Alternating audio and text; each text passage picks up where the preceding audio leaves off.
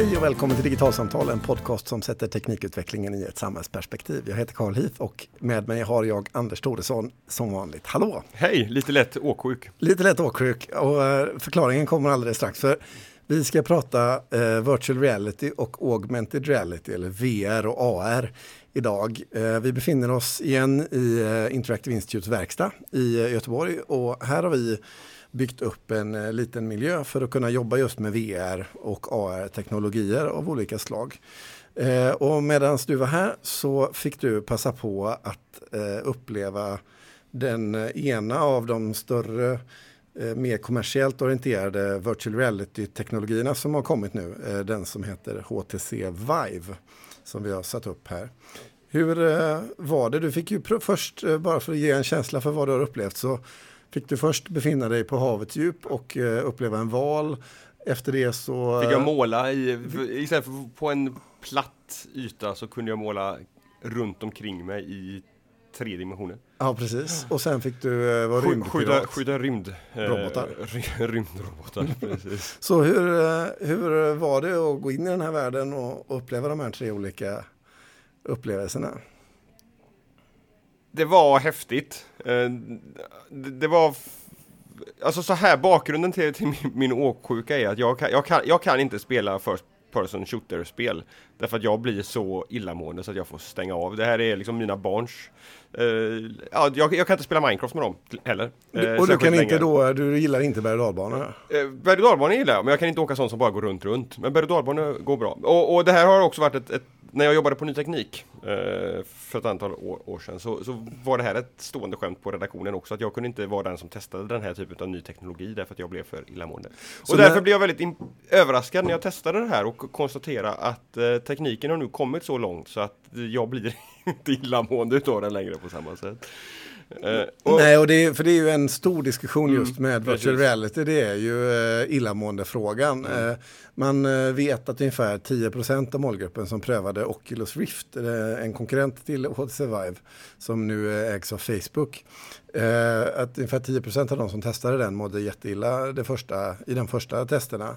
Och sen om man också vet man att beroende på vilken typ av VR-upplevelse man råkar ut för så kan man må på olika sätt. Och i det här fallet, ett av skälen till att du antagligen inte mår så illa, det är för att du själv promenerar omkring i rummet. Du har, man har inte bara VR-hjälmen på sig, utan man har prylar i händerna och du kan dessutom röra dig och gå runt i rummet fysiskt. Och då går du också runt i den virtuella precis, världen. Precis. Så din kroppsrörelse är densamma. Och, och det, det, var ju det första som jag lade märke till när jag var nere på havets botten bland alla de här fiskarna. Just det här att det var inte bara huvudrörelsen som på, påverkade min upplevelse utan också hur jag rörde mig rent fysiskt. Det ritas upp en snygg eh, bur som man får hålla sig inom eh, och den går det att gå i eh, fritt. Och sen så när jag blev angripen av rymdvarelser på slutet så hamnade jag utanför den och eh, landade snyggt i en soffa. Mm. Mm. Så kan det gå ja. när man eh, upplever eh, VR i det fysiska rummet. Eh, och eh, de här eh, demosarna som HTC Vive har eh, primärt och eh, mycket andra man ser ifrån både Playstations eh, plattform och eh, från Oculus.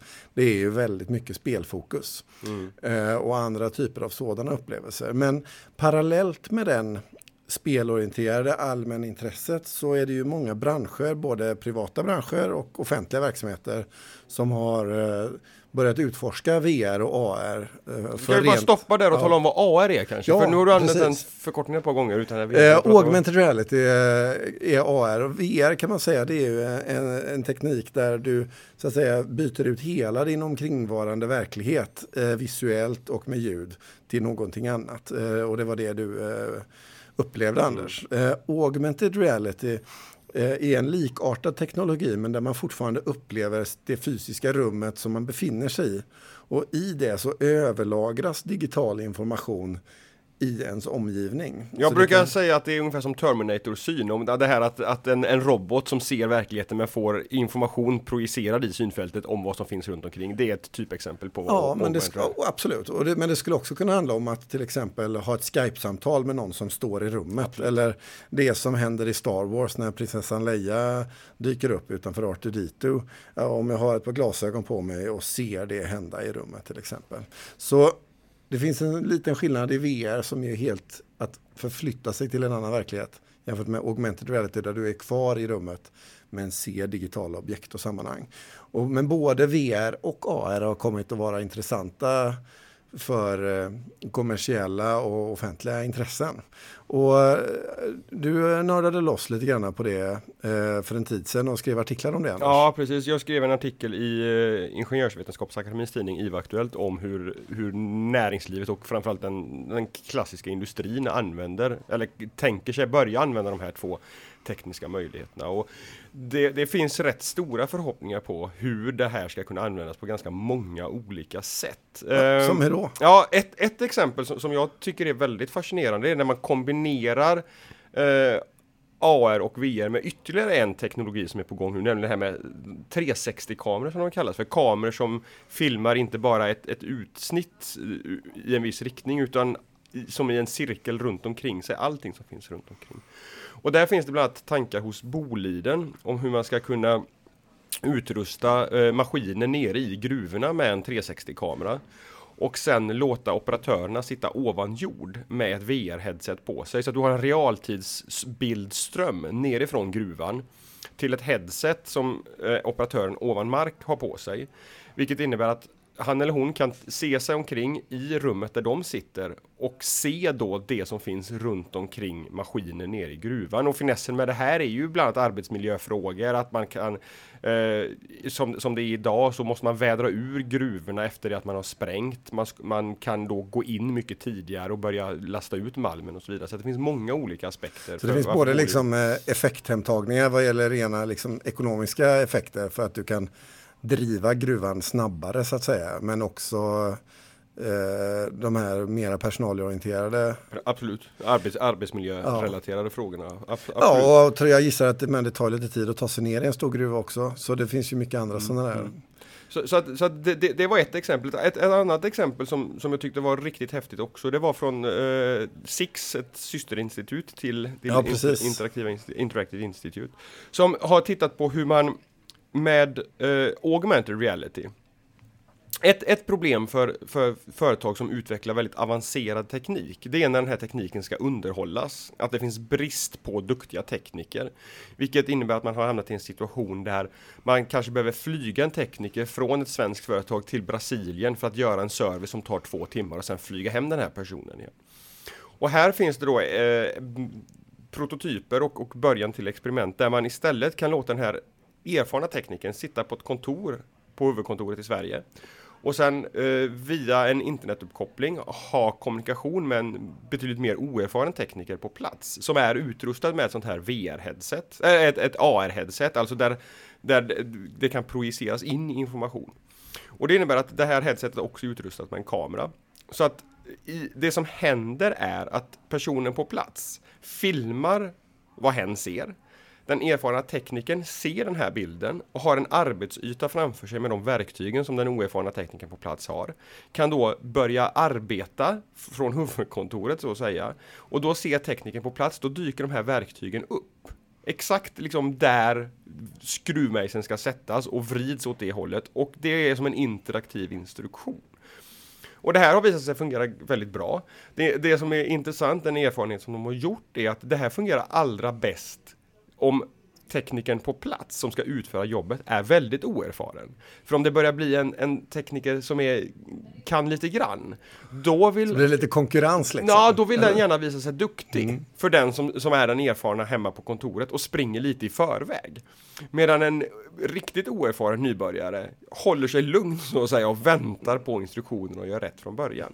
Så att det här är någonting då som ett antal svenska industriföretag hoppas ganska mycket på. Men det finns ju också givetvis utmaningar. Vad händer till exempel om internetuppkopplingen går ner mitt i den här processen? Och det finns sådana här liksom organisatoriska eh, saker som man måste, måste hantera. Men, men det är ett exempel på hur, hur tekniken kan användas. Och eh, båda de här exemplen eh, tycker jag fascinerar lite grann. För eh, det handlar om att, så att säga, förstärka eller utveckla befintliga processer. Det är liksom inte den nya revolutionerande grejen utan det handlar om liksom inkrementell gradvis förändring av någonting som gör det lite, lite bättre. Mm. Så även om teknologin kan upplevas flashig så att säga, så i de här tillämpningarna så har de väl, det är liksom väldigt konkret, man kan förstå behovet Absolut. ganska tydligt. Jag, jag skulle vilja ta ett, ett, tredje exempel också från NCC som har låtit kirurger titta in i operationssalar som inte är byggda ännu för att kunna ha synpunkter på hur de här bör möbleras och utrustas för att bli så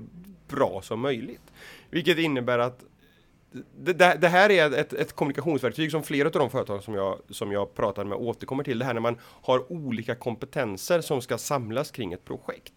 Alla kan inte läsa en tvådimensionell pappersritning och, och, och förstå i, i, liksom faktiskt i ryggmärgen hur det här rummet kommer se ut.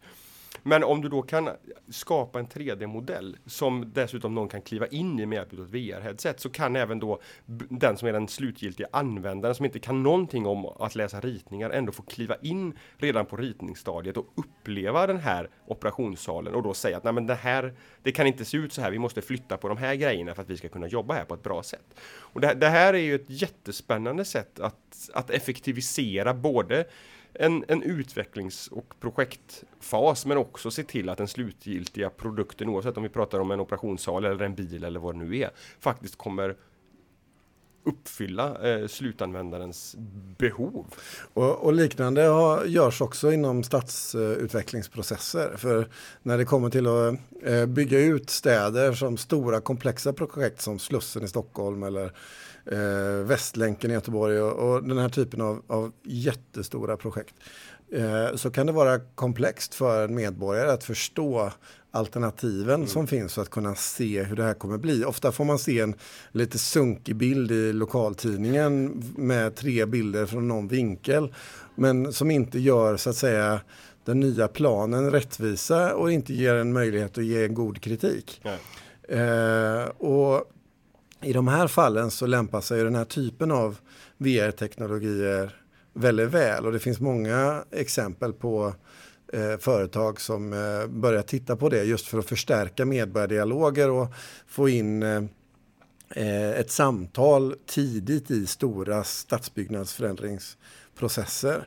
Eh, min kollega Jakob eh, Mickelsen har ett projekt eh, där de håller på att testa det här ihop med barn och där man låter barn rita en upplevelse av hur de vill att en stadsutvecklingsförändringsprocess ska se ut. Och sen lägger man in den som i en augmented reality-upplevelse så att när man står på den platsen med sin skolklass eh, och med andra så kan man se ens egen skapelse och idé gestaltas och porträtteras i den fysiska miljön på plats där man är. Och det blir också ett sätt att kunna så att säga föra in andra vinklar och perspektiv och önskemål och upplevelser, reflektioner i de här processerna.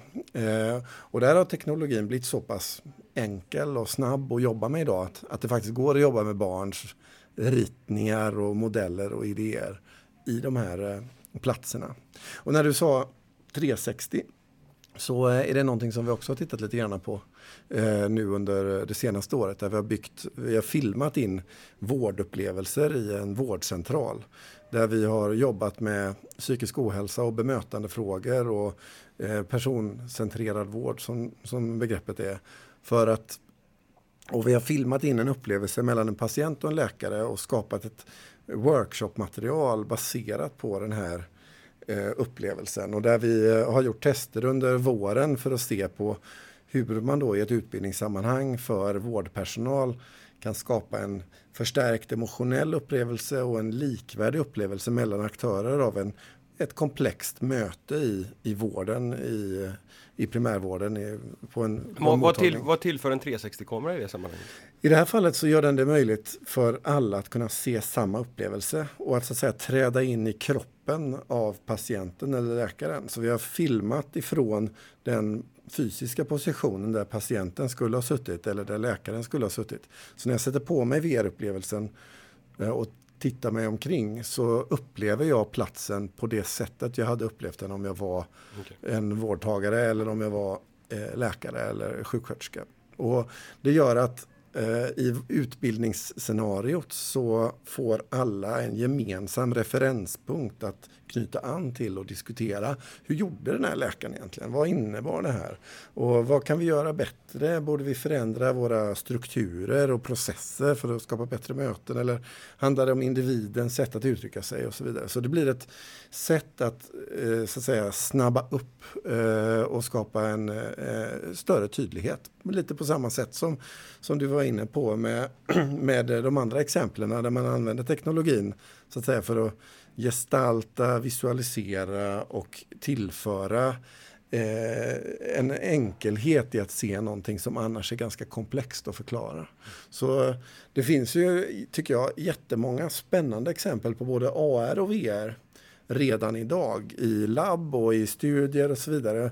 Och frågan är ju någonstans, tänker jag, det är ju liksom hur tror vi det här håller? Vi har ju liksom vi vet om att folk mår illa av sån här teknologi.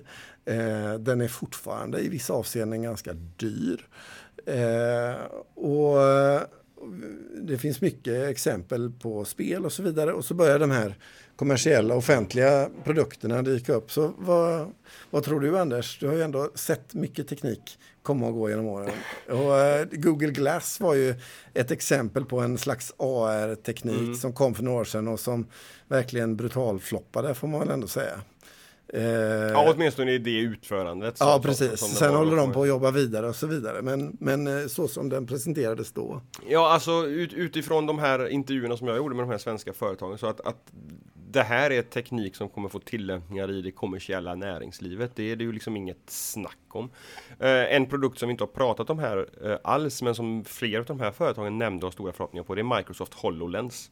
Som är eh, Microsofts AR-glasögon. Och, och ett tips är att, att, söka på Microsoft HoloLens på Youtube och, och, titta på de filmerna som finns där, där de har filmat med en speciell kamera så att vi som inte har på oss ett sånt headset får se den upplevelsen som, som användaren av headsetet har. Och där finns ett antal liksom, häftiga exempel och det, det är helt klart in, inom, inom näringslivet och, och givetvis kommer det också komma fantastiska eh, nöjes tillämpningar för den här tekniken. Och, och eh, en konkurrent till HoloLensen eh, är ett företag som heter Magic Leap som mm. ligger i Florida.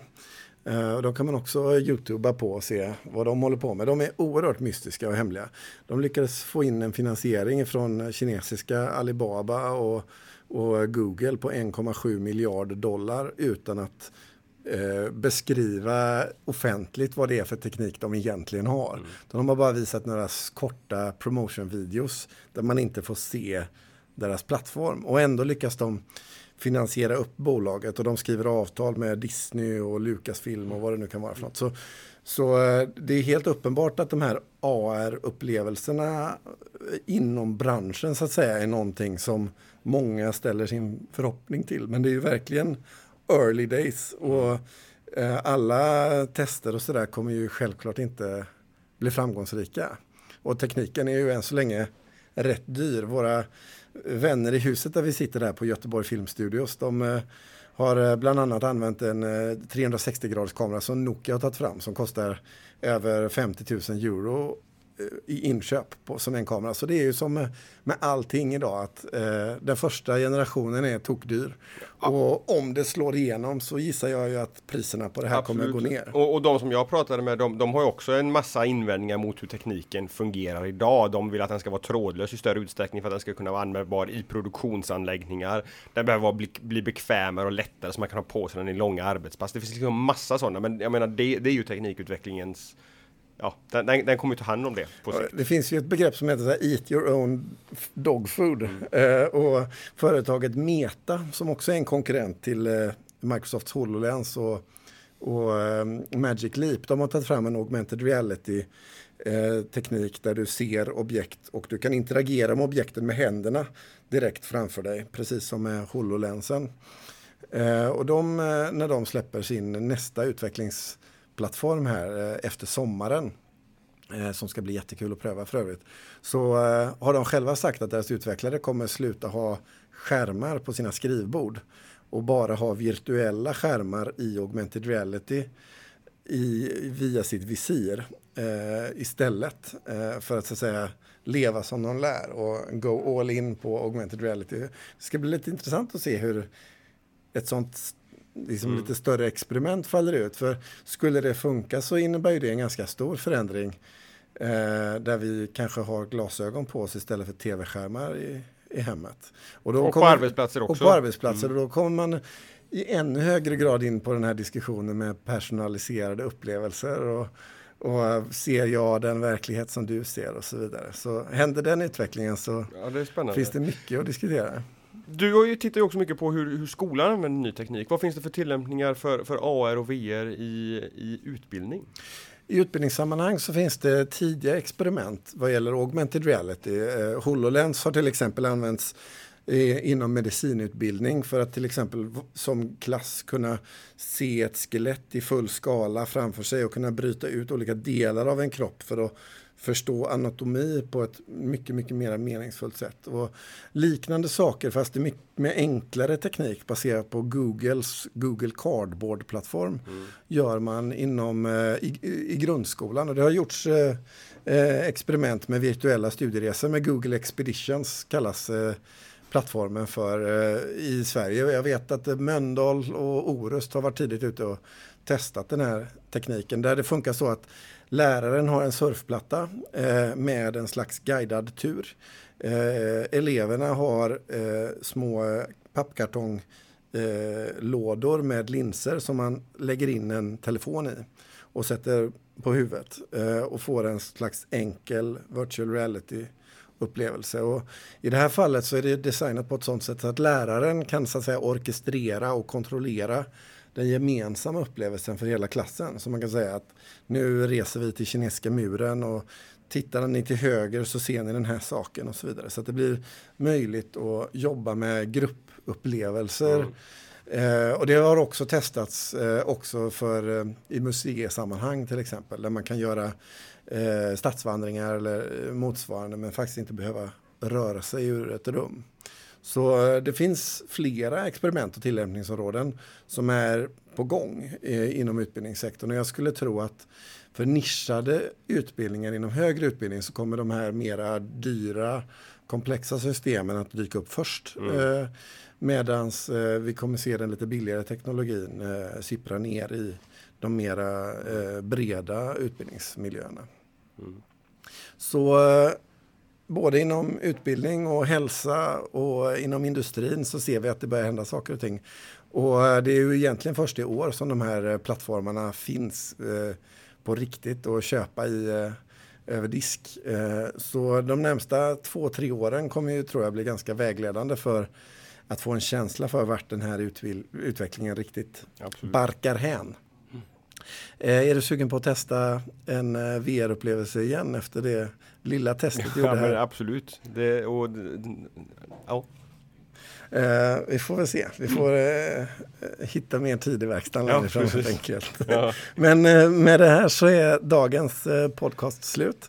Eh, hör gärna av er med kommentarer, tankar och funderingar i Facebookgruppen Digital samhällskunskap. Och har ni en fråga till oss, tveka inte att höra av er. Det går jättebra att skicka frågor på mail. Då gör man det på podcast.digitalsamtal.se och på Twitter så finns vi på digitalsamtal.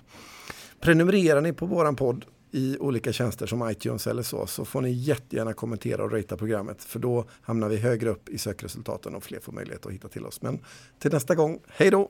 Hej då!